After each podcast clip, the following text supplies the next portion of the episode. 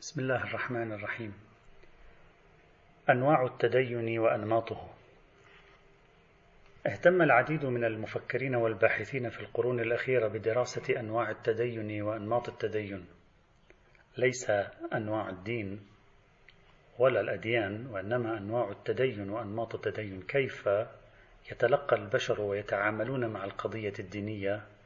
وكيف يعيشون الدين في حياتهم؟ تبين من, تبين من خلال دراسات علم الاجتماع أن البشر لديهم أشكال عديدة من عيش الدين والتفاعل مع القضية الدينية. وفي هذا الصدد ذكرت تقسيمات كثيرة جدا لأنواع التدين. لا أريد أن ألقي محاضرة هنا في هذا الموضوع الذي أقترح على المشتغلين في مجال دراسات علم الاجتماع وكذلك على طلاب الحوزات العلمية أن يأخذوا هذا الموضوع كمادة بحثية في رسائل الماجستير أو أطروحات الدكتوراه نظرا لأهميته الفائقة. هناك من قسم التدين إلى أنواع عديدة مثل ماكس فيبر الذي تحدث مثلا عن دين العسكر وعن دين المزارعين. قال العسكر لديهم دين خاص وبالتالي هم يأخذون من الدين ويعيشون دينا يتناسب مع نمط حياتهم العسكرية ومع طبيعة شخصيتهم العسكرية. سأكتفي هنا فقط بالإشارة إلى تقسيمين لأنواع التدين فقط من باب لفت النظر والانتباه إلى أننا نختلف فيما بيننا في أنماط تديننا نتيجة خلفيات ومسبقات معينة. التقسيم الأول تقسيم التدين إلى تدين شرعي وتدين سلطة وتدين علماني. في التدين الشرعي المتدين يعرف من الدين الالتزام بالقوانين الانضباط بالأحكام. وهذا التدين الشرعي حاضر بقوة في مثل جمهور المتدينين اليهود وكثير من المسلمين أيضا. في الدين الحكومي الدين ليس إلا وسيلة لتنظيم الحياة ضبط الحياة رفع أي خلل موجود قائم في جعل السلطة محكمة قادرة على أن تمسك بكل شيء بطريقة أفضل. لذلك كل شيء يتم إرجاعه إلى الحكومة. كل صغيرة وكبيرة يتم إرجاعها إلى منطق حكومي ومنطق سلطوي بهذا المعنى. أما التدين العلماني فهو التدين الذي يحاول أن يفصل ويفهم عيش الدين خارج إطار السلطة خارج إطار المنظومات السياسية والاجتماعية ويقترب منه من نمط تدين فردي. تقسيم آخر يهمني أن أذكره هنا أيضا وهو تقسيم لبعض المفكرين المعاصرين تقسيم ثلاثي. سأستخدم هذه الاصطلاحات في شرح هذا التقسيم. التدين بمثابة هوية والتدين بمثابة قضية معرفية والتدين بمثابة تجربة دينية.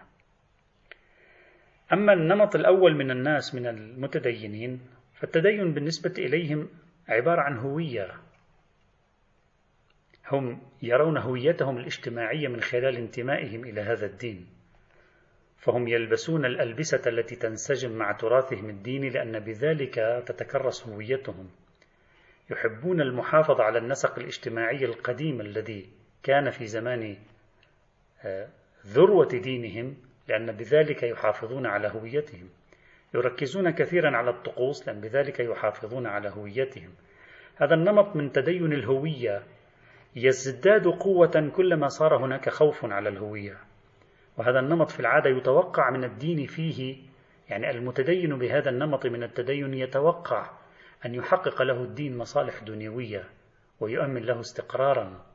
اليوم في الغرب هناك من يتكلم عن الدين كهوية أكثر مما يتكلم عن الدين كرسالة وإنما هو كهوية وبالتالي أنا أستطيع أن أحافظ عليه في العالم الغربي بصفته هوية من الهويات سيكون مقبولا أكثر من صفته رسالة بهذا المعنى.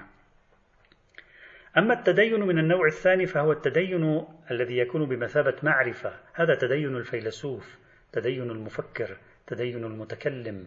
هذا التدين الذي بالنسبة لهذا الشخص التدين هو قضية يجب حل يجب دراستها يجب الدفاع عنها يجب تحليل هذه القضية فيها أو تلك القضية فيها.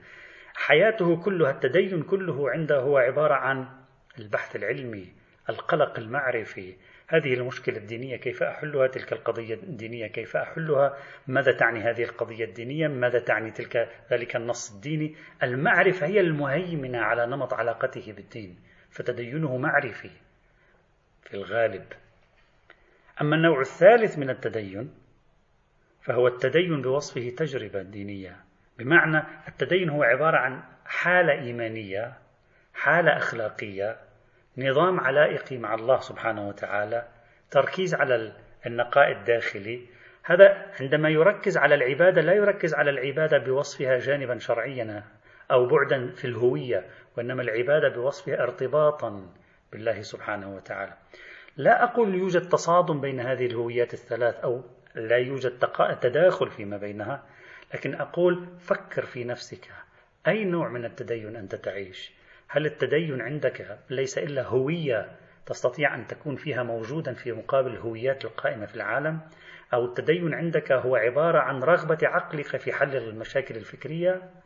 وبالتالي كلما ازدادت التحديات الفكرية ازددت اشتغالا بالقضية الدينية؟ أو التدين عندك هو عبارة عن تجربة إيمانية؟